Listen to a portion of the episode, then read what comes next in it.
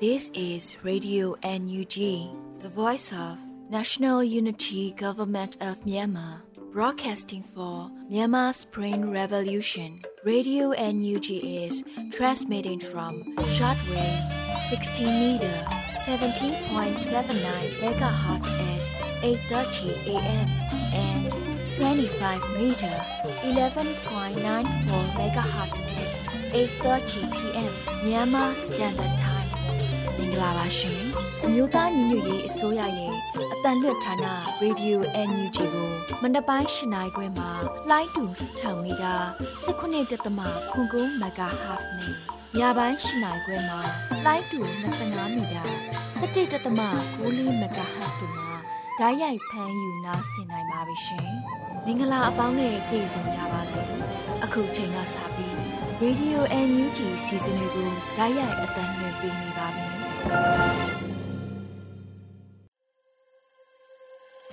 မြန်မာနိုင်ငံသူနိုင်ငံသားအပေါင်းတဘာဝအပြီးစစ်အာဏာရှင်ဘေးတို့ကနေကင်ဝေးပြီးဘေးကင်းလုံခြုံကျန်းမာကြပါစေလို့ရေဒီယိုအယူဂျီအဖွဲ့သားများကဆုတောင်းမြတ်တာပို့သလိုက်ရပါတယ်ရှင်ပထမဆုံးအနေနဲ့ကာကွယ်ရေးဝန်ကြီးဌာနရဲ့စစ်ရေးသတင်းအကျဉ်းချုပ်ကိုမောင်ကျူးမှတင်ဆက်ပေးမှာဖြစ်ပါတယ်ရှင်။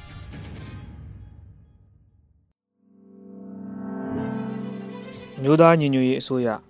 ကာဝေးရေးဝန်ကြီးဌာနကထုတ်ပြန်တဲ့နေ့စဉ်စီးသတင်းချင်းချုပ်ကိုတင်ပြပါတော့မယ်ခင်ဗျာစင်းမြရာရန်သူတပ်သား42ဦးသေဆုံးပြီး10ဦးဒဏ်ရာရရှိကြောင်းသိရှိရပါတယ်အာနာသိန်းကျန်းဖက်စစ်တပ်နဲ့တိုက်ပွဲဖြစ်ပွားမှုသတင်းများကိုပထမဦးစွာတင်ပြပါမယ်ခင်ဗျာချင်းမြနယ်မှာ2023ခုနှစ်ဖေဖော်ဝါရီလ10ရက်နေ့ည10:00နာရီခန့်ကထန်တလန်မြို့နယ်ထန်တလန်မြို့ဇုံမွန်ရက်ကွက်ရှိရဲစခန်းတစ်ခုကို CNA CDF ပူးပေါင်းတပ်ဖွဲ့များကစတင်တိုက်ခိုက်ခဲ့ပြီး 9ရက်နေ့မနက်တနာရီမှာစခန်းတစ်ခုလုံးကိုတင်းစီရရှိခဲ့ပါတယ်။စခန်းအတွင်းမှာလက်နက်ငယ်40ကျော်တင်းစီရရှိမိပြီး CNA ဘက်မှဒုဗိုလ်စလိုင်းခိုလီထန်ကြာဆုံး၍တဦးတန်ရာရရှိက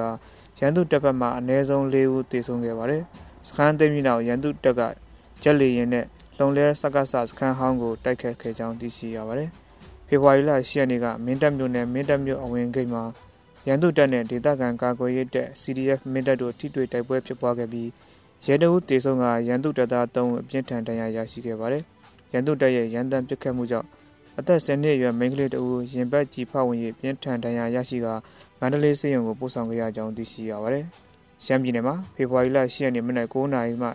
ညနေ4:00နာရီထိဖေခုံမြို့နယ်မိုးပြဲမြို့မှာရန်သူတပ်နဲ့မိုးပြဲပြည်သူ့ကာကွယ်ရေးတပ် MBPDF KNDF B03 Riger PDF တို့တိုက်ပွဲဖြစ်ပွားခဲ့ပါတယ်။ဖေခုံတပ် မိုးပြဲအခြေစိုက်ခမရ422တက်ဝါရီစုပလိုင်းတွင်တက်ဆွဲထားတဲ့ရန်သူတပ်များကလက်နက်ကြီးနဲ့ပစ်ကူခဲ့ရာသုံးလုံးက၎င်းတို့တပ်ဖွဲ့များတက်ဆွဲထားတဲ့စက်တော်ရာတောင်ပေါ်ကိုကြားရောက်ပောက်ကွဲခဲ့ပြီးရန်သူတပ်သားအနည်းဆုံး9ဦးသေဆုံးကအများပြားဒဏ်ရာရရှိခဲ့ကြောင်းသိရှိရပါတယ်။စကိုင်းတိုင်းမှာဖေဖော်ဝါရီလ9ရက်နေ့မနက်အစောပိုင်းကဒဇယ်မြို့နယ်အင်ကုတ်ကားကြေးပါရှိရန်သူတပ်နဲ့ပြူစော်ဒီစကန်ကိုပြည်သူ့ကာကွယ်ရေးတပ်ဖွဲ့များကစတင်တိုက်ခိုက်ခဲ့ရာ မနက်9:56မိနစ်တွင်စခန်းကိုသိမ်းနိုင်ခဲ့ပြီးပြည်သူ့ကာကွယ်ရေးရဲဘော်2ဦးကြာဆုံးက9ဦးဒဏ်ရာရရှိခဲ့ပါတယ်။ဖေဖော်ဝါရီလ9ရက်နေ့မနက်အစောပိုင်းမှာစပြီးကမ်ဘလူမြို့နယ်စပယ်နသာရဲစခန်းရှိရန်သူတပ်သားရဲများနဲ့ပြည်သူ့ကာကွယ်ရေးတပ်ဖွဲ့များနှစ်ဖက်ထိတွေ့မှုဖြစ်ပွားခဲ့ရာမနက်9:02မိနစ်မှာစပယ်နသာရဲကင်းစခန်းနှင့်ဘန်ကာများအားမိရှုဖျက်ဆီးထားနိုင်ခဲ့ပြီးရန်သူတပ်သား20ဦးခန့်သေဆုံးကပြည်သူ့ကာကွယ်ရေးတပ်ဖွဲ့မှရဲဘော်၄ဦးဒဏ်ရာရရှိခဲ့တော်လဲမစိုးရိမ်ရကြောင်းသိရှိရပါတယ်။ ဖေဖော်ဝါရီလ10ရက်နေ့ည9:07မိနစ်ခန့်ကရင်းမာပင်မြို့နယ်ရင်းမာပင်မြို့ရဲစခန်းကိုရင်းမာပင်အရှိမြောက်ချမ်းမာနေ၍ချင်းတွင်တိုးနီယာ PDF Real Hero တခင်တောင်းညိုရင်းမာပင်ခရိုင်တရင်29ဆရာကျော်ခဘာသာ Jungle Hunter Revolution Force ပူးပေါင်းပြည်သူ့ကာကွယ်ရေးအဖွဲ့တို့ကလက်နက်ကြီးများနဲ့ပစ်ခတ်တိုက်ခိုက်ခဲ့ပါတယ်။ဖေဖော်ဝါရီလ9ရက်နေ့မနက်4:30မိနစ်ခန့်ကရွှေဘုံမြို့နယ်ရွာသားရွာစာတင်ကျောင်းတွင်ထိုင်ချလျက်ရှိသောရန်သူတပ်သားများနှင့်ပြူစောထီးများကို ရွှေဘုံမြို့နယ်ပကဖတိုက်နယ်9အဖွဲ့ရွှေဘုံလျက်စီးမုံတိုင်းပျောက်ကြားတပ်ဖွဲ့တိုက်နယ်6 SPDF တက်ခွဲတစ်တို့ကအနီးကပ်ကင်းမုံဝဲခြုံကိုပစ်ခတ်တိုက်ခိုက်ခဲ့ရာပြူစောထီး2ဦးဒဏ်ရာရရှိခဲ့ပါတယ်။ဖေဖော်ဝါရီလ9ရက်နေ့နေ့လယ်တနာရီ48မိနစ်ခန့်ကစကိုင်းမြို့နယ်ညောင်ပင်ဝင်းဘက်သို့မြင်းမှုမြို့နယ်ထီဆောင်ကြေးရွာမှထွက်လာတဲ့ရန်သူအင်အား90ဦးခန့်မှခြေလျင်စစ်ကြောင်းကဗိုလ်ဒေဝမိုင်းခွင်းထဲသို့ရောက်ရှိလာခြင်းပြည်သူ့ကာကွယ်ရေးတပ်မတော်စကိုင်းခရိုင်တရင်ရှိ တက်ခွဲ1 Golden Eagle Defense Force မြင်းညံခရိုင်တရင်သုံးတခွဲလေးတို့ပူးပေါင်းပြီးဗေဒါမိုင်းရှစ်လုံးနဲ့မိုင်းဆွဲတက်ခတ်ခဲ့ရာရန်သူတပ်သား9ဦးသေဆုံးက4ဦးဒဏ်ရာရရှိခဲ့ပါတယ်။ဖေဖော်ဝါရီလ9ရက်နေ့မနက်9:50မိနစ်ခန့်ကစကိုင်းမြို့နယ်ညောင်ပင်ဝင်းရဲကင်းစခန်းမှခြေလျင်ထွက်လာတဲ့ရဲကင်းစခန်းမှုရဲအုပ်လှကိုပါဝင်၄ဦးကိုစခန်းရှိကားလမ်းပေါ်မှာ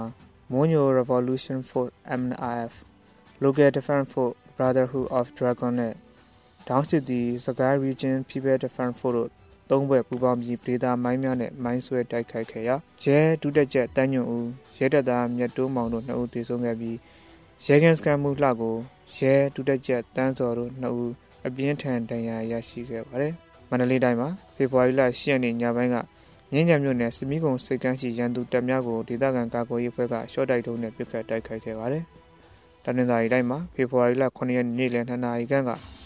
ပလောမြို့နယ်တိုရွာဖျားတောင်ပေါ်ရှိရန်သူတပ်သားများကပြည်သူ့ကာကွယ်ရေးတပ်များကိုစီးကြိုပစ်ခတ်ခဲ့ပြီးနောက်နှစ်ဖက်တိုက်ပွဲဖြစ်ပွားခဲ့ရာတနအီကျော်ကြာအပြန်အလှန်ပစ်ခတ်မှုဖြစ်ပွားပြီးနောက်ပြန်လည်ဆုတ်ခွာချိန်မှာမိုင်းထိမှန်ထားတဲ့ရန်သူတပ်သား9ဦးတံမနဲ့တေဆုံးခဲ့ကြောင်းသိရှိရပါတယ်။အာနာသိန်းကျန်းဖတ်စစ်တပ်ကကျူးလွန်လျက်ရှိတဲ့ရာဇဝတ်မှုများကြောင့်ကိုဆက်လက်တင်ပြပါမယ်ခင်ဗျာ။ချင်းပြည်နယ်မှာဖေဖော်ဝါရီလ10ရက်နေ့ည8:00နာရီခန့်ကမင်းတပ်မြို့နယ်မင်းတပ်မြို့အရှိပြင်ရက်ကွက် ငါးဦးစီးရုံးအနီးနားရှိနေအိမ်ချုပ်ကိုရန်သူတပ်ကမိရှို့ဖျက်ဆီးပြီးကလေးငယ်တို့အပါအဝင်ပြည်သူ၄ဦးကိုမတရားဖမ်းဆီးထားကြောင်းသိရှိရပါတယ်။ရှမ်းပြည်နယ်မှာဖေဖော်ဝါရီလ9ရက်နေ့နေ့လယ်12နာရီခန့်ကရွာငံမြို့နယ်တောင်ဦးကျေးရွာကိုရန်သူတပ်ဖွဲ့ဝင်အင်အား20ဦးခန့်ရောက်လာပြီးကိုကြီးအောင်၏နေအိမ်မှပစ္စည်းများကိုတင်ယူခဲ့က PDF အိမ်ဟုရေးသားချိတ်ပိတ်သွားခဲ့ပါတယ်။စကိုင်းတိုင်းမှာဖေဖော်ဝါရီလ10ရက်နေ့နေ့လယ်2:30မိနစ်ခန့်ကစကိုင်းမြို့နယ်ညောင်ပင်ဝင်းရဲစခန်းမှရန်သူတပ်သားများ ကြီးရွာအတွင်းမှွေနောက်ချောက်ပေးခဲ့ပြီးရွာသားတအုပ်ကိုပြစ်တက်ခဲ့ကတပြေသာရွာသားတအုပ်နဲ့ဘူတာလိုင်းကရှိကလေးငယ်တအုပ်ကိုလက်ပြန်ကျိုးတုပ်ဖမ်းဆီးသွားခဲ့ပြီးနောက်တပ်ဖြတ်ခဲ့ပါတယ်။ကြေးရွာအတွင်းရှိဒေါ်လာရေးအမိပေါက်နေသောပြည်သူနေများကိုမှွေနောက်စစ်ဆေးပြီးအမျိုးသား6ဦးအမျိုးသမီး2ဦးစုစုပေါင်းပြည်သူ9ဦးကိုဖမ်းဆီးထားခဲ့ပါတယ်။မန္တလေးတိုင်းမှာဖေဖော်ဝါရီလ9ရက်နေ့နေ့လယ်3နာရီခန့်ကမြင်းကြံမြို့နယ်မြင်းကြံမြို့အမှတ်1ရပ်ကွက်ဒိုဘီကုန်းမှာမှုကြီးခ လမ်းစော်ကိုထောက်ဖို့လှုပ်ဆောင်သူဆိုကရန်သူတပ်သားများကဖမ်းဆီးသွားခဲ့ကြောင်းသိရှိရပါတယ်။ဖေဖော်ဝါရီလ9ရက်နေ့ကမြင်းကြံမြို့နယ်ကြောက်ကံရွာမှာတပ်ဆွဲထားတဲ့ပြူစောထီနဲ့ရန်သူတပ်သား10ဦးခန့်ကလေးတိုင်းရွာဘက်မှပြည်သူ9ဦးကိုဖမ်းဆီးခဲ့ပြီး9ဦးကိုကုတ်ကဲရဲကင်းစခန်းသို့ခံဝင်ထိုးခိုင်းခဲ့က9ဦးစလုံးကိုပြန်လွှတ်ပေးခဲ့ပါတယ်။၎င်းတို့ထဲမှတအုပ်မှာကျပ်ငွေ4000ပေးခိုင်းပြီးပြန်လဲလွမြောက်ခဲ့ရခြင်းဖြစ်ပြီးကြံရှိဥမှာငွေပေးရခြင်းရှိမရှိစုံစမ်းနေသေးဖြစ်ကြောင်းသိရှိရပါတယ်။ အေယာဝတီတိုင်းမှာဖေဖော်ဝါရီလ10ရက်နေ့ကညောင်တုံးမြို့နယ်ညောင်တုံးမြို့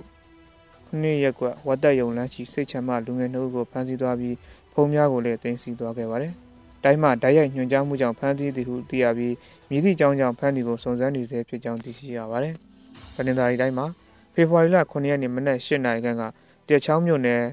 မြိတ်တဝဲလမ်းပိုင်းဝင်းဝရဲစခန်းမှာရန်သူတပ်သားများနဲ့ရဲများကရငဲကြေးရွာနီးရှိရာဘာကျန်တချံကိုဝင်ရောက်စစ်ဆေးရာ တူမီတနတ်တလက်တွေ့ရှိ၍မျိုးသားသုံးကိုရိုက်နှက်ဖမ်းဆီးသွားခဲ့ပါတယ်။တအုပ်ကိုပြန်လည်လွှတ်ပေးခဲ့ပြီးရငဲရွာသားနှစ်ဦးဖြစ်တဲ့ကိုဖြိုးငယ်စောနဲ့ကိုပိုင်စိုးတို့ကိုပြစ်တက်ခဲ့ကြောင်းသိရှိရပါတယ်။ယခုတင်ပြခဲ့တဲ့နေ့စဉ်စီးရေးသတင်းချင်းချုပ်ကိုမြေပြင်သတင်းတာဝန်ခံများနဲ့သတင်းဌာနများကဖော်ပြထားတဲ့အချက်အလက်များပေါ်အခြေခံပြုစုထားတာဖြစ်ပါတယ်။ကျွန်တော်မောင်ကျူပါ။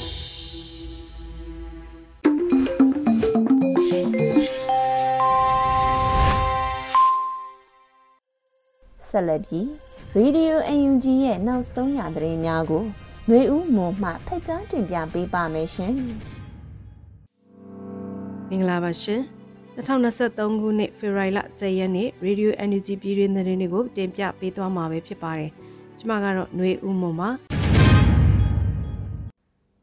ဆီယနာရှင်ရန်နီယာနဲ့စေအုပ်စုကိုအမြင့်ပြတ်တုတ်တင်ချေမှုန်းနိုင်ရေးဟာမြမနွေဦးတော်လိုင်းရဲ့အဓိကမုံမှန်းချက်ဖြစ်တယ်လို့ယာယီသမရဒူဝါလက်ရှိလာပြောကြားတဲ့အကြောင်းအရာကိုတင်ပြပေးပါမယ်။ဆီယနာရှင်ရန်နီယာနဲ့စေအုပ်စုကိုအမြင့်ပြတ်တုတ်တင်ချေမှုန်းနိုင်ရေးဟာမြမနွေဦးတော်လိုင်းရဲ့အဓိကမုံမှန်းချက်ဖြစ်တယ်လို့ယာယီသမရဒူဝါလက်ရှိလာကပြောပါတယ်။ဖေဖော်ဝါရီလ9ရက်မြို့သားညီညွတ်ရေးအစိုးရယာယီသမရဒူဝါလက်ရှိလာမှမုံရလူလူတပိတ်တိုက်ပွဲဦးဆောင်ကော်မတီရဲ့နှစ်နှစ်ပြည့်အခမ်းအနားမှာပြောကြားခဲ့တာပါ။ ထူးသဖြင့်နေစဉ်ရက်ဆက်ရွာပေါင်းများစွာကိုမိရှုဖျက်ဆီးတပ်ဖြတ်နေတဲ့တရေရုပ်မြန်မာစစ်တပ်ကိုနိုင်ငံရေးအသက်ရှူပေါက်ပေးလို့မရပါဘူး။စီးရေးရလည်းထွက်ပေါက်မရှိအောင်လှုပ်ထားရပါလိမ့်မယ်။ဆီယနာရှင်ရန်နေရနဲ့စီအုပ်စုကိုအမြင့်ပြတ်တုတ်တင်ချေမွန်းနိုင်ဟာမြမနွေဒေါ်လင်ရဲ့အဓိကဘုံမှန်းချက်ဖြစ်ပါတယ်လို့ဆိုပါတယ်။2021ခုနှစ်စက်တင်ဘာလ9ရက်နေ့မှာပြည်သူ့ခုခံတွန်းလှန်စစ်များစတင်မှုမြို့သားညီညွတ်ရေးအစိုးရဟာကြေညာခဲ့ပါတယ်။ လက်ရှိပြည်သူ့ခုခံတွန်းလှန်စစ်တနစ်ကျော်ကာလအတွင်းစစ်ကောင်စီတပ်ဖွဲ့ဝင်2000ကျော်သေဆုံးခဲ့ပြီဖြစ်ပါတယ်ရှင်။ဂျာကာလာဒေသန္တရပြည်သူ့အုပ်ချုပ်ရေးဖော်ဆောင်မှုဗဟုကော်မတီအစည်းအဝေး6မြင်းဆောင်2023ကျင်းပတဲ့တဲ့ရင်ကိုလည်းတင်ပြပေးပါမယ်။ဂျာကာလာဒေသန္တရပြည်သူ့အုပ်ချုပ်ရေးဖော်ဆောင်မှုဗဟုကော်မတီအစည်းအဝေး6မြင်းဆောင်2023ကျင်းပခဲ့ပါတယ်။ဖေဖော်ဝါရီ9ရက်မြို့သားညီညွတ်ရေးအစိုးရဂျာကန်လဒေသန္တရပြည်သူ့ချိုရေးဖော်ဆောင်မှုဗဟိုကော်မတီအစည်းအဝေးအမှတ်စဉ်6မြင်းဆောင်2023ကိုကျင်းပခဲ့ပါတယ်။ စည်းဝေးမှာဂျာကန်လဒေသန္တရပြည်သူ့ချိုရေးဖော်ဆောင်မှုဗဟိုကော်မတီအဖွဲ့ဝင်လူသားချင်းစာနာထောက်ထားရေးနဲ့ဘေးရန်ရဲဆိုင်ရာစီမံခန့်ခွဲဝန်ကြီးဌာနပြည်ထောင်စုဝန်ကြီးဒေါက်တာဝင်းမြတ်အေးမှအဖွဲ့မှစကားပြောကြားခဲ့ပါတယ်။ဆက်လက်ပြီးတက်ရောက်လာကြတဲ့ဂျာကန်လဒေသန္တရပြည်သူ့ချိုရေးဖော်ဆောင်မှုဗဟိုကော်မတီအဖွဲ့ဝင်များမှ9မြင်းဆောင်2023မှာချမှတ်ထားတဲ့ဆုံးဖြတ်ချက်ရှစ်လုပ်ငန်းစဉ်များနဲ့ပတ်သက်ပြီးပြီးစီးမှုအခြေအနေများနဲ့ဆက်လက်ဆောင်ရွက်ရန်ကြံရှိနေတဲ့လုပ်ငန်းစဉ်တွေကို ချပြရှင်းလင်းပြီးတက်ရောက်လာတဲ့တာဝန်ရှိသူများမှအကြံတွင်ဆွေးနွေးခဲ့ကြပါတယ်။ဆိုပါအစည်းအဝေးသို့ပြည်ထောင်စုဝန်ကြီးများဒုတိယဝန်ကြီးများမြဲတဲ့အတွင်းများဌာနဆိုင်ရာများမှတာဝန်ရှိသူများတက်ရောက်ခဲ့ပါတယ်ရှင်။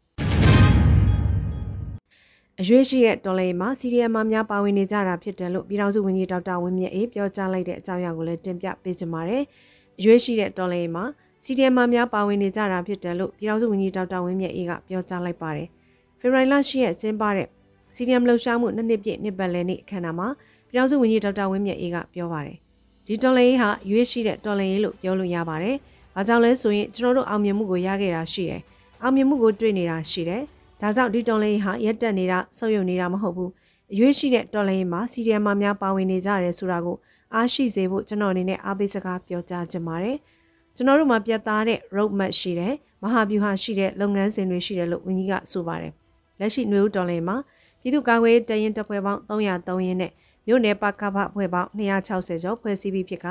တော်လင်ရမုံငွေအမေရိကန်ဒေါ်လာတန်တရာကျော်ရရှိထားပြီးဖြစ်ပါတယ်ရှင်ရင်းမဲ့ပင်စလင်ကြီးရွာပေါင်းစုံလူထုတဖိတ်အဖွဲ့ကိုမှတ်တမ်းတင်ကုန်ယူကြောင်းပြည်ထောင်စုဝန်ကြီးဒေါက်တာဇော်ဝေစုပြောကြားတဲ့အကြောင်းအရာကိုလည်းတင်ပြပေးပါမယ်။ရင်းမဲ့ပင်ဆက်လင်းကြီးရွာပေါင်းစုံလူထုတပိတ်အဖွဲ့ကိုမှတ်တမ်းတင်ကုန်ကြောင့်ပြည်ထောင်စုဝန်ကြီးဒေါက်တာဇော်ဝေဆိုးကဆိုပါတယ် ရင်းမဲ့ပင်ဆက်လင်းကြီးရွာပေါင်းစုံတပိတ်ဦးဆောင်ကော်မတီရဲ့တပိတ်ရက်ပေါင်း900ပြည့်ဖေဖော်ဝါရီလ9ရက်မှာပြည်ထောင်စုဝန်ကြီးဒေါက်တာဇော်ဝေဆိုးကကျေးဇူးတင်စကားဆိုပါတယ်ရင်းမဲ့ပင်ဆက်လင်းကြီးရွာပေါင်းစုံလူထုတပိတ်ကော်မတီရဲ့ရွာပေါင်းစုံတပိတ်အဖွဲ့တွေကိုစကားပြောခွင့်ရတာအထူးပဲကျေးဇူးတင်ပါတယ်ဒီလိုမျိုးတရက်မပြတ်ရက်ပေါင်း900တိတိတော်လိုင်းမှာတပိတ်ထွက်နိုင်ခဲ့တဲ့ခုလိုတပိတ်အဖွဲ့မျိုးဟာအလုံးကိုရှားပါတာဖြစ်ပါတယ်ကျွန်တော်တို့ဒီနေ့ဝေဥတွန်လေးအခြေအနေအချိန်ခါမျိုးမှာတော့ရပ်ပေါင်း900မပြတ်ထွက်ဖို့ဆိုတာတော်တော်ကိုခက်ခက်ခဲခဲဆောင်ရွက်ကြရတာဖြစ်ပါတယ်။ ဒါကြောင့်ရင်းမဲ့ပင်စလင်းကြီးရွာပေါင်းစုံလူလူတပိတ်ဖွဲ့ကိုမှတ်တမ်းတင်ဂုဏ်ယူတယ်လို့ဝန်ကြီးကဆိုပါတယ်။2021ခုနှစ်ဖေဖော်ဝါရီလရက်နေ့စစ်တပ်အာဏာလုယူမှုဖြစ်ပွားပြီးနောက်ပိုင်းဆီယနာရှင်စက်ကျင်းလူလူတပိတ်လှုံ့ဆော်မှုဟာယခုထက်တည်တိုင်းရှိနေဆဲဖြစ်ပါတယ်ရှင်။မြိုင်မြို့နယ်တောင်မိုက်ကိုင်းတော်မရွာရဲစခန်းနဲ့စက်မှုနယ်ကြားမှာဖောကားနဲ့ကူတန်းလာသောစစ်ကောင်စီတပ်နဲ့ပြူများပြစ်ခတ်ခံရပြီးနှစ်ဦးသေဆုံးတဲ့တဲ့ရင်ကိုလည်းတင်ပြပေးပါမယ်။မြမြို့နယ်တောင်ပိုင်းကိုင်းတော်မရွာရဲစခန်းနဲ့ စက်မှုနှစ်ကြားဖောကားဖြင့်ကူတန်းလာတဲ့စစ်ကောင်စီတပ်နဲ့ပြူများပြစ်ခတ်ခံရပြီးနှစ်ဦးသေဆုံးခဲ့တယ်လို့သိရပါဗျ။ဖေဖော်ဝါရီ9ရက်မွန်းလွဲတနင်္လာအချိန်မြမြို့နယ်တောင်ပိုင်းကိုင်းတော်မရွာရဲစခန်းနဲ့စက်မှုနေကြားမှာဖောကားနဲ့ကူတန်းလာတဲ့စစ်ကောင်စီတပ်နဲ့ပြူတွေကိုတိုက်ခိုက်ခဲ့တယ်လို့ဝင်းမလွေပြောက်ကြားတပ်ဖွဲ့မြိုင်းကဆိုပါတယ်။ညမြို့နယ်တောင်ပိုင်းကိုင်းနမရွာရဲစခန်းနှင့်စမှုနှစ်ကြား၌ဖောကားဖြင့်ကူတန်းလာသောစစ်ကောင်စီတပ်နှင့်ပြူများကိုဝင်းပလီပြောက်ကြားတပ်ဖွဲ့မြိုင်နှင့်အတူစစ်တပ်နှင့်တပ်မတော်တပ်ခွဲခုနှစ်ပခုတ်ကူခရိုင်တရင်15 တပ်ခွဲ3ပြည်သူအာမန်ကာကွယ်ရေးတပ်ဖွဲ့903တရင်နဲ့ GOB တို့ပူးပေါင်းပြီးပြစ်ခတ်တိုက်ခိုက်ခဲ့တယ်လို့ဆိုပါတယ်။တိုက်ခိုက်မှုကြောင့်စစ်ကောင်စီတပ်နဲ့ပြူနှစ်ဦးသေဆုံးပြီးများပြားဒဏ်ရာရှိကကားကိုမောင်းပြေးသွားခဲ့တယ်လို့သိရပါတယ်ရှင်။စကိုင်းမြို့နယ်ကျွဲပုံကျေးရွာမှပြူစောထိများရတာများကိုဇက်တိုက်တပ်ဖြတ်နေတဲ့ဆိုတဲ့သတင်းကိုလည်းတင်ပြပေးကြပါမယ်။စကိုင်းမြို့နယ်ကျွဲပုံကျေးရွာမှပြူစောထိများကရတာတွေကိုဇက်တိုက်တပ်ဖြတ်နေတယ်လို့သတင်းရရှိပါတယ်။ ဖေဖော်ဝါရီ9ရက် AABB ကသတင်းထုတ်ပြန်ဖော်ပြပါတယ်။ဖေဖော်ဝါရီ9ရက်နေ့စကိုင်းတိုင်းစကိုင်းမြို့နယ်ရင်းမချင်းကျေးရွာမှာနေထိုင်တဲ့ဥပေါ်ထေဟာကျွဲပုံကျေးရွာမှဂျမ်မတ်စီအိုစုရဲ့လက်ပါစီပြူစောတိဖွဲကစစ်ဆေးမေးမြန်းရန်ရှိသည်ဆိုပြီးဖမ်းဆီးခဲ့ပြီးနောက်တပ်ဖြတ်ခဲ့တယ်လို့ဖော်ပြပါတယ်။ဥဘော်ထရဲ့ရုံလောင်းကိုကျွဲပွန်ကျေးရွာအနီးရှိတရက်ချန်အတွင်းမှာဖေဖော်ဝါရီလ9ရက်နေ့မှာတွေ့ရှိခဲ့ပါတယ်။ဒါအပြင်ဖေဖော်ဝါရီလ6ရက်နေ့နနက်ပိုင်းချိန်မှာလည်းဆိုဝါပြူစောတိအဖွဲ့မှာ ကျော်ဝန်ကျေးရွာအနီးမှာရှိတဲ့တရက်ချံအတွင်းအလုံးလုံးနေတဲ့စံသစ်ကျေးရွာသားဦးဝင်းအောင်ကိုတနက်ဖြန်ပြစ်ခတ်တပ်ဖြတ်ခဲ့ပါတယ်။ဦးဝင်းအောင်ရဲ့ရုပ်လောင်းကိုအဆိုပါတရက်ချံအတွင်းမှာဖေဖော်ဝါရီလ9ရက်နေ့မှာတွေ့ရှိခဲ့တယ်လို့သိရပါတယ်ရှင်။ကျုံတို့မြို့နယ်အခြေစိုက်ခမရ945မှာ120မမလက်နက်ကြီးများဖြင့်ရန်တမ်းပစ်ခတ်တာကြောင့်ပြစ်မဲ့ပြည်သူတို့လက်နက်ကြီးထိမှန်သေဆုံးခဲ့တဲ့တဲ့ရင်ကိုဆက်လက်တင်ပြပေးပါမယ်။ကင်းပြည်နယ်ကျုံတို့မြို့နယ်အခြေစိုက်ခမရ945မှာ 120မမလက်နက်ကြီးများနဲ့ရန်တပ်ပစ်ခတ်မှုကြောင့်ပြစ်မဲ့ပြည်သူတို့လက်နက်ကြီးထိမှန်သေဆုံးခဲ့ပါတယ်။ဖေဖော်ဝါရီ9ရက်နေ့မှာဂလုံစစ်ကြောင်းကအတိပေးဖော်ပြပါတယ်။ဖေဖော်ဝါရီလ10ရက်ညနေ6နာရီခန့်တွင်ကျုံတို့မြို့နယ်ခြေဆိုင်ခမရ955မှာ120မမလက်နက်ကြီးများဖြင့်ရန်တမ်းပစ်ခတ်ရာကျုံတို့မြို့နယ်ကြောက်ဖြားကြီးရာအတွင်းသို့လေးလုံးကြားရောက်ပောက်ကွဲခဲ့တယ်လို့ဆိုပါတယ်။ဆိုပါလက်နက်ကြီးကြီးကြောင့်ပြစ်မဲ့ပြည်သူတို့လက်နက်ကြီးထိမှန်သေဆုံးခဲ့ပြီးနေအိမ်တစ်လုံးထိခိုက်ပျက်စီးခဲ့တယ်လို့ဆိုပါတယ်ရှင်။ နထိုးကြီးမြို့အရှိဘက်တမိုင်ကအကွာတွင်ကင်းဘက်ထွက်လာတဲ့စစ်ကောင်စီတပ်ကားကိုမိုင်းဆွဲရနှုတ်သေးဆုံးပြီးလေးဦးပြင်းထန်ဒဏ်ရာရရှိတဲ့တဲ့ရင်ကိုလည်းတင်ပြပေးပါမယ်။နထိုးကြီးမြို့အရှိဘက်တမိုင်ကအကွာတွင်ကင်းဘက်ထွက်လာသောစစ်ကောင်စီတပ်ကားကိုမိုင်းဆွဲရမှာနှစ်ဦးသေဆုံးပြီးတော့လေးဦးပြင်းထန်ဒဏ်ရာရရှိခဲ့တယ်လို့သိရပါဗျ။ဖေဖော်ဝါရီ9ရက်နေ့မှာစီးရဲတဲ့ရင်ကိုနထိုးကြီး PDF ကအသိပေးဆိုပါတယ်။ဖေဖော်ဝါရီ9ရက်နနက်7:00နာရီဝန်းကျင်အချိန်တိုင်းနထိုးကြီးမြို့၏အရှိဘက်တမိုင်ကအကွာတွင်ကင်းဘက်ထွက်လာသောစစ်ကောင်စီတပ်ကားအသေးတစီအားကျွန်ုပ်တို့ NBDF အဖွဲ့မှမိုင်းဆွဲတိုက်ခိုက်ခဲ့တယ်လို့ဆိုပါတယ်။စစ်ကောင်စီတပ်ဖက်က2ဦးနေရာတွင်သေဆုံးပြီး4ဦးပြင်းထန်ဒဏ်ရာရရှိခဲ့တယ်လို့သိရပါတယ်ရှင်။ခုတင်ပြခဲ့တဲ့သတင်းတွေကို Radio NUG သတင်းတောက်မင်းမင်းကပေးပို့ထားတာပဲဖြစ်ပါတယ်ရှင်။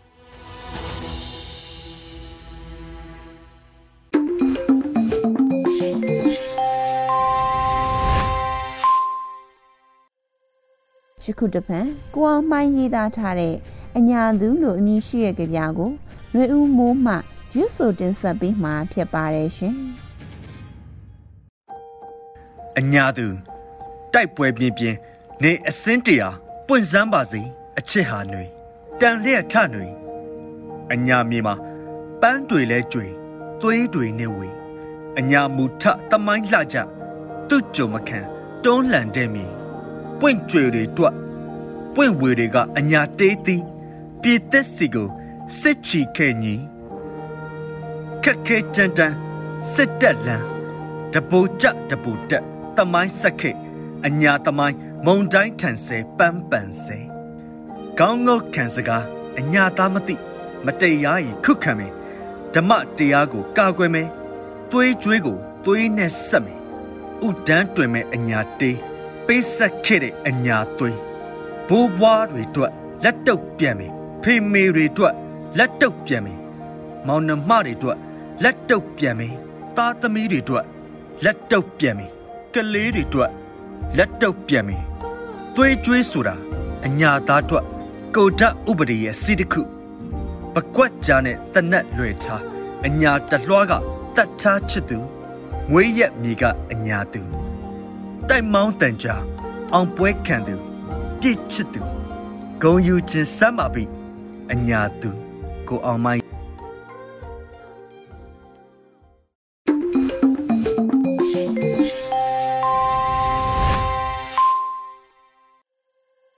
အခုဆက်လက်ပြီးပြည်သူခုခံတော်လှန်စစ်တရင်များကိုຫນွေဦးလင်းအိမ်မှတင်ဆက်ပေးမှာဖြစ်ပါတယ်ရှင်ပထမဆုံးအနေနဲ့ဒဇယ်မှာစကားဆစစ်ကြောင်းမိုင်းဆွဲတိုက်ခိုက်ခံရတဲ့တဲ့ရင်မှာ စကိုင်းတိုင်းဒဇယ်မြို့နယ်ကန်ထူးမရွာမှာတက်ဆွဲပြီးပြည်သူပိုင်ပစ္စည်းတွေရှာဖွေခိုးယူနေတဲ့စစ်ကောင်စီတပ်ကိုပြည်သူ့ကာကွယ်ရေးတပ်ဖွဲ့တွေကနှစ်ကြိမ်မိုင်းဆွဲတိုက်ခိုက်ခဲ့ရာစစ်ကောင်စီတပ်သား73ဦးထိခိုက်ဒေဆုံးပြီးဗိုလ်မှူးတဦးအပါအဝင်3ဦးပြင်းထန်စွာဒဏ်ရာရရှိခဲ့ကြောင်းသိရပါဗျ။ဖေဖော်ဝါရီလ6ရက်နေ့တွင်ကန်ထူးမစံပြရွာမှာတိန်တဆင်းပစ္စည်းများလိုက်လံရှာဖွေခိုးယူနေတဲ့စစ်ကောင်စီတပ်ကုံ PDF ဘူပေါင်းတပ်များကဗရေဒါမိုင်းနဲ့ဖောက်ခွဲတိုက်ခိုက်ခဲ့ရာ စစ်ကောင်စီတပ်သား9ဦးသေဆုံးပြီး3ဦးဒဏ်ရာရရှိခဲ့ကဖေဖော်ဝါရီလ9ရက်နေ့မှာထပ်မံမိုင်းဆွဲတိုက်ခိုက်ရာစစ်ကောင်စီတပ်သား10ဦးထိခိုက်သေဆုံးခဲ့ကြောင်းမျက်မြင်များကဆိုပါတယ်။ထိခိုက်ဒဏ်ရာရရှိတဲ့စစ်ကောင်စီတပ်သား3ဦးတွင်ဗိုလ်မှူးအဆင့်ရှိသူတဦးပါဝင်ပြီးဒဏ်ရာပြင်းထန်တာကြောင့်စေကုသရန်အခက်အခဲရှိတာကြောင့်အဆိုပါစစ်ကောင်စီတပ်မှစစ်ကြောင်းထိုးနေရမှဒဇယ်မြို့ကိုပြန်လည်ဆုတ်ခွာခဲ့ကြောင်းစစ်ကောင်စီသတင်းရင်းမြစ်ထံမှစုံစမ်းသိရှိရပါသည်။ နောက်ဆုံးအနေနဲ့ကမ်ဘလူးစိန်နာကြေးရွာပြူစောတိစခန်းကို PDF ဖူပေါင်းတပ်များဝင်ရောက်တိုက်ခိုက်မှုမှာစစ်သား2ဦးသေဆုံးကတနက်နှစ်လက်ရရှိတဲ့တဲ့ရင်ကိုတင်ဆက်ပေးပါမယ်။စကိုင်းတိုင်းကမ်ဘလူမြို့နယ်ကင်းတက်ဆယ်ထေးရှိစိန်နာရွာပြူစောတိစခန်းကိုဖေဖော်ဝါရီလ9ရက်နေ့မနက်ပိုင်းမှာပြည်သူ့ကာကွယ်ရေးတပ်တွေကဝင်ရောက်တိုက်ခိုက်သိမ်းပိုက်လိုက်ပြီးစစ်သား2ဦးသေဆုံးကလက်နက်နှစ်လက်ရရှိကြောင်း PDF သတင်းရင်းမြစ်ကဆိုပါရယ် ကမ်ဘလူမြို့နယ်စိန်နာရွာပြူစောတိစခန်းကို PDF ပူပေါင်းတပ်များကဖေဖော်ဝါရီ9ရက်နေ့မနက်ပိုင်းမှာစတင်ထိုးစစ်ဆင်တိုက်ခိုက်ခဲ့ရာမနက်တနာရီခန့်အချိန်ထိတိုက်ပွဲဖြစ်ပွားခဲ့ပြီးစစ်ကောင်စီတပ်သား2ဦးသေဆုံးကြောင်းကြံစစ်သားနဲ့ပြူစောထီများမှထွက်ပြေးသွားခဲ့ကြောင်း MA1 တနက်တလက်နဲ့ကာပိုင်တနက်တလက်သိမ်းဆည်းရရှိခဲ့ကြောင်းကာကွယ်ရေးတပ်များအထူးကိမရှိဆုတ်ခွာနိုင်ခဲ့ကြောင်းသိရပါ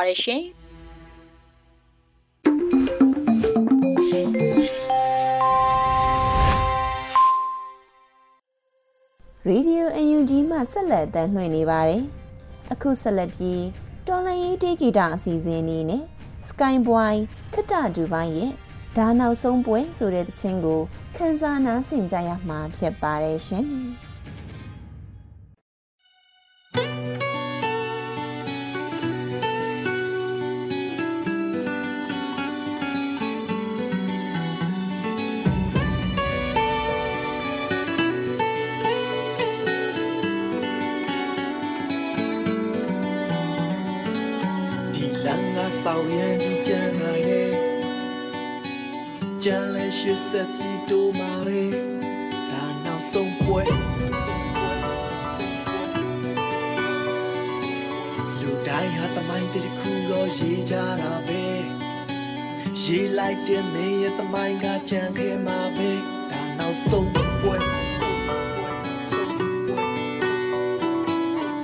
ဘုံတီချတဲ့အပန်းတို့မလျှော့နဲ့ဟစ်ကြွေးကြတဲ့အပန်းတွေမှန်တဲ့ပေးချနေတာ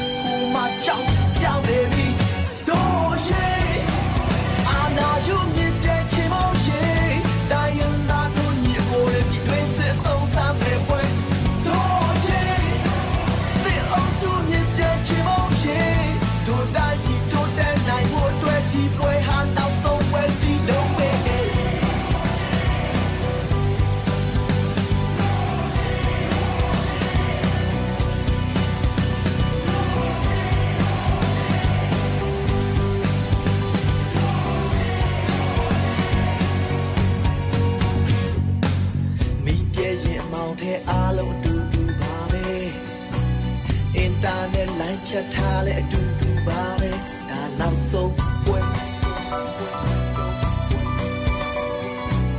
ဘာသာရေးမိုင်းတိုင်းနေတဲ့ဆောက်ယူအပွဲတွေနဲ့ယူနီဖောင်းချုပ်ပြီးတော့ရုပ်ထွက်လို့လာခဲ့ဒါနောက်ဆုံးပွဲတန်ဘုံတီးကြတဲ့အပန်းတွေမလျှော့နဲ့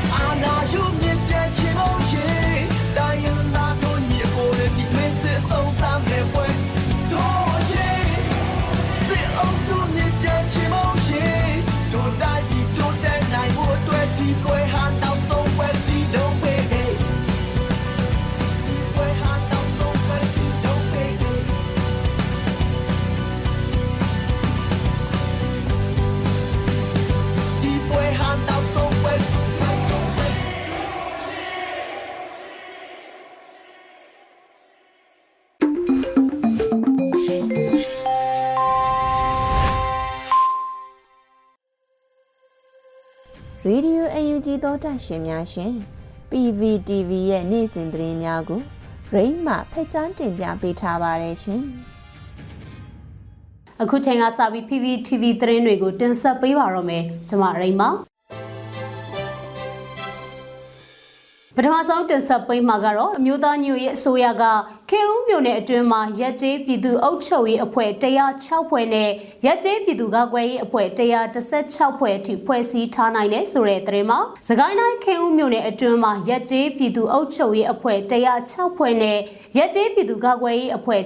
116ဖွဲ့အထိဖွဲ့စည်းထားနိုင်ပြီဖြစ်တယ်လို့ပြည်ထောင်စုလူမှုကြီးကြပ်ရေးဝန်ကြီးဌာနကသတင်းထုတ်ပြန်ပါတယ်။ ရက်ကျေးပြည်သူ့အုပ်ချုပ်ရေးအဖွဲ့နဲ့ရက်ကျေးပြည်သူ့ကာကွယ်ရေးအဖွဲ့တွေဖွဲ့စည်းရမှာအမျိုးသားညွရေးအစိုးရဂျာကာလာဒေသန္တရပြည်သူ့အုပ်ချုပ်ရေးဖော်ဆောင်မှုဗဟိုကော်မတီကချမှတ်တဲ့မူဝါဒလမ်းညွှန်မှုများနဲ့အညီပြည်သူလူထု၏လူမှုဘဝနဲ့အသက်အိုးအိမ်စည်းစိမ်ကိုအကာအကွယ်ပေးနိုင်ရန်ရည်ရွယ်ပြီးမြို့နယ်ပြည်သူ့အုပ်ချုပ်ရေးအဖွဲ့နဲ့မြို့နယ်ပြည်သူ့ကာကွယ်ရေးအဖွဲ့တို့ကဖွဲ့စည်းခဲ့တာဖြစ်တယ်လို့အသိပေးဖော်ပြထားပါတယ်။ ဒီလိုဖွဲ့စည်းရမှာကာကွယ်ရေးအုပ်ချုပ်ရေးပြည်သူဝန်ဆောင်မှုလုပ်ငန်းများနဲ့တရားဥပဒေစိုးမိုးရေးလုပ်ငန်းများစနစ်တကျဆောင်ရွက်သွားရအတွက် ကျေးရွာတွေမှာအုပ်ချုပ်ရေးကာကွယ်ရေးအဖွဲ့တွေဖွဲ့စည်းဆောင်ရွက်နေတာလို့လည်းဖော်ပြထားပါတယ်။ဖေဖော်ဝါရီလ6ရက်ကနေ9ရက်အတွင်းကျေးရွာတရွာမှာကျေးရွာပြည်သူအုပ်ချုပ်ရေးအဖွဲ့နဲ့ကျေးရွာနှစ်ရွာမှာကျေးရွာပြည်သူ့အုပ်ချုပ်ရေးအဖွဲ့နဲ့ကျေးရွာပြည်သူ့ကာကွယ်ရေးအဖွဲ့များကိုဖွဲ့စည်းနိုင်ခဲ့တဲ့အတွက်ရက်ကျေးအဆင့်ကျေးရွာပြည်သူ့အုပ်ချုပ်ရေးဖွဲ့စည်းမှု106ရွာမြောက်နဲ့ ရက်ကျေးအဆင့်ကျေးရွာပြည်သူ့ကာကွယ်ရေးဖွဲ့စည်းမှု116ရွာမြောက်အထိဖွဲ့စည်းနိုင်ခဲ့ပြီဖြစ်တယ်လို့လည်းဖော်ပြထားပါတယ်။အဆိုပါကျေးရွာပြည်သူ့အုပ်ချုပ်ရေးအဖွဲ့များနဲ့ရက်ကျေးပြည်သူ့ကာကွယ်ရေးအဖွဲ့များဖွဲ့စည်းဆောင်ရွက်ရမှာပြည်သူလူထုရဲ့အများဆန္ဒနဲ့အညီအဆိုပြုကထောက်ခံအတည်ပြုပြီးမှသာအောင်မြင်စွာဖွဲ့စည်းဆောင်ရွက်နိုင်ခဲ့တယ်ဆိုပြီးတော့လည်းအသိပေးထုတ်ပြန်ထားပါတယ် အခုတင်ဆက်ပေးမှာကကာကွယ်ရေးဝန်ကြီးဌာနနဲ့နေပြည်တော်စစ်သေးတာခွဲတက်ရင်အမှတ်804ထူထောင်တာတနစ်ပြည့်ဖြစ်စစ်ရေးပြချီတက်တဲ့တရင်မှာအမျိုးသားညွေရေးအစိုးရကာကွယ်ရေးဝန်ကြီးဌာနပြည်သူ့ကာကွယ်ရေးတပ်မတော်အလဲပိုင်းတိုင်းစစ်ဌာနချုပ်နေပြည်တော်စစ်သေးတာခွဲတက်ရင်အမှတ်804ထူထောင်တာတနစ်ပြည့်အဖြစ်နဲ့စစ်ရေးပြချီတက်ပွဲကိုဖေဖော်ဝါရီ9ရက်မှာပြုလုပ်ခဲ့ကြပါတယ်အလဲပိုင်းတိုင်းစစ်ဌာနချုပ်နေပြည်တော်စစ်သေးတာခွဲ တက်ရင်အမှတ်804ကို2022ခုနှစ်ဖေဖော်ဝါရီ2ရက်နေ့မှာစတင်ထူထောင်ခဲ့တာဖြစ်ပြီး တနစ်ပြည့်စစ်ရေးပြချီတက်မှုကိုလွတ်မြောက်နေမြေတနေရာမှာပြုလုပ်ခဲ့ကြတာပါတနစ်ပြည့်အမှတ်တရအဖြစ်စစ်ရေးပြချီတက်တာကိုပြည်သူလွတ်မြောက်ရေးចောင်းသားတက်တော် PLSF KNDF BO5 KNDF BO6 KRU စစ်သေးတာ3အလဲပိုင်းတိုင်းတက်ရင်အမှတ်1005စစ်သေးတာ3အလဲပိုင်းတိုင်းတက်ရင်အမှတ်1008အလဲပိုင်းတိုင်းစစ်ဌာနချုပ်တက်ရင်အမှတ်803အလဲပိုင်းတိုင်းစစ်ဌာနချုပ်တက်ရင်အမှတ်805 အလဲပိုင်းတိုင်းစစ်ဌာနချုပ်တက်ရင်အမှတ်902မှကိုယ်စားလှယ်တွေနဲ့အလဲပိုင်းတိုင်းရဲ့တာဝန်ရှိသူတွေတက်ရောက်ခဲ့ကြပါတယ်။ဆက်လက်တင်ဆက်ပေးမှာကတော့အကြမ်းဖက်စစ်တပ်ကကြေးရွာတွေတဲကိုလက်နက်ကြီးတွေနဲ့ပစ်ခတ်တာကြောင့်လူနေအိမ်ကိုလုံးပျက်စီးခဲ့ရတယ်လို့ KNU ထုတ်ပြန်လိုက်တဲ့သတင်းမှာအကြမ်းဖက်စစ်တပ်ကကြေးရွာတွေအတွင်းကိုရည်ရွယ်ချက်ရှိရှိနဲ့လက်နက်ကြီးတွေနဲ့ပစ်ခတ်တာကြောင့် လူနေအိမ်ကိုလုံးပျက်စီးခဲ့ရတယ်လို့ KNU ဗဟိုကမနေ့ကသတင်းထုတ်ပြန်လိုက်ပါတယ်ထုတ်ပြန်ချက်ထဲမှာအကြမ်းဖက်စစ်တပ်ကဖေဖော်ဝါရီ9ရက်ညနေ9နာရီခွဲကမှကောတူလေးအုပ်ချုပ်နယ်မြေဒုသထုခရိုင်တပ်မဟာတဲ ဘီလင်းမြို့နယ်တကေးလောင်ကျင်းနယ်မင်းစောရွာအတွင်းကိုအကြမ်းဖက်စစ်တပ်ရဲ့ကိုနဝင်းတပ်စခန်းမှာလက်နက်ကြီးနှလုံးပစ်ခတ်တာကြောင့်ကျေးရွာအတွင်းလက်နက်ကြီးများကြားရောက်ပောက်ကွဲခဲ့ပြီးလူနေအိမ်ကိုလုံးထိခိုက်ပျက်စီးခဲ့တယ်လို့ဖော်ပြထားပါတယ်။လက်နက်ကြီးကြီးစားထိမှန်ခဲ့တဲ့အိမ်ပိုင်ရှင်တွေကတစ်ဒီကွေလေးနှစ်မောင်တန်းကျော် သုံးထွန်းတန်ပါလေးကျော်နကူငါမောင်သိန်းဝင်းမိုး6တီးချပြီးခုနှစ်မီဖူတေရှစ်တီးထုတ်ကလူနဲ့ကိုရမဝိုင်းမို့လို့ဖြစ်တယ်လို့အသိပေးထားပါတယ်။အကြမ်းဖက်စစ်တပ်ရဲ့ကိုနဝင်းစကန်က KLU Model ခရိုင်အတွင်းတပ်ဆွဲထားတဲ့တပ်စကန်တစ်ခုဖြစ်ပြီးရခင်ကလည်းမင်းစောကျေးရွာအတွင်းကိုမကြာခဏလက်နက်ကြီးပစ်ခတ်မှုများရှိခဲ့တယ်လို့ဖော်ပြထားပါတယ်။ ဒီကနေ့ကတော့ဒီညနေပဲ Radio NUG ရဲ့အစီအစဉ်လေးကိုခေတ္တရ延လိုက်ပါမယ်ရှင်မြန်မာစံတော်ချိန်မနေ့၈နိုင်ခွဲနဲ့ည၈နိုင်ခွဲအချိန်တွေမှာပြောင်းလဲဆိုပြကြပါလို့ရှင် Radio NUG ကိုမနေ့ပိုင်း၈နိုင်ခွဲမှာလိုင်းတူ16မီတာ19.7မခုကူမဂါဟတ်နဲ့ညပိုင်း၈နိုင်ခွဲမှာလိုင်းတူ25မီတာ17.6မဂါဟတ်တို့မှာဓာတ်ရိုက်ဖမ်းယူ နားဆင်နိုင်ပါပြီရှင်။မြန်မာနိုင်ငံသူနိုင်ငံသားများကိုစိတ်နှဖျားစမ်းမချမ်းသာလို့ဘေးကင်းလုံခြုံကြပါစေလို့ Radio NUG ရဲ့ဖွဲ့သူဖွဲ့သားများကဆုတောင်းလိုက်ရပါတယ်။ San Francisco Bay Area အခြေဆိုင်မြန်မာမိသားစုများနိုင်ငံတကာကစေတနာရှင်များလို့အားပေးများရဲ့ Radio NUG ဖြစ်ပါတယ်ရှင်။အရေးတော်ပုံအောင်ရမည်။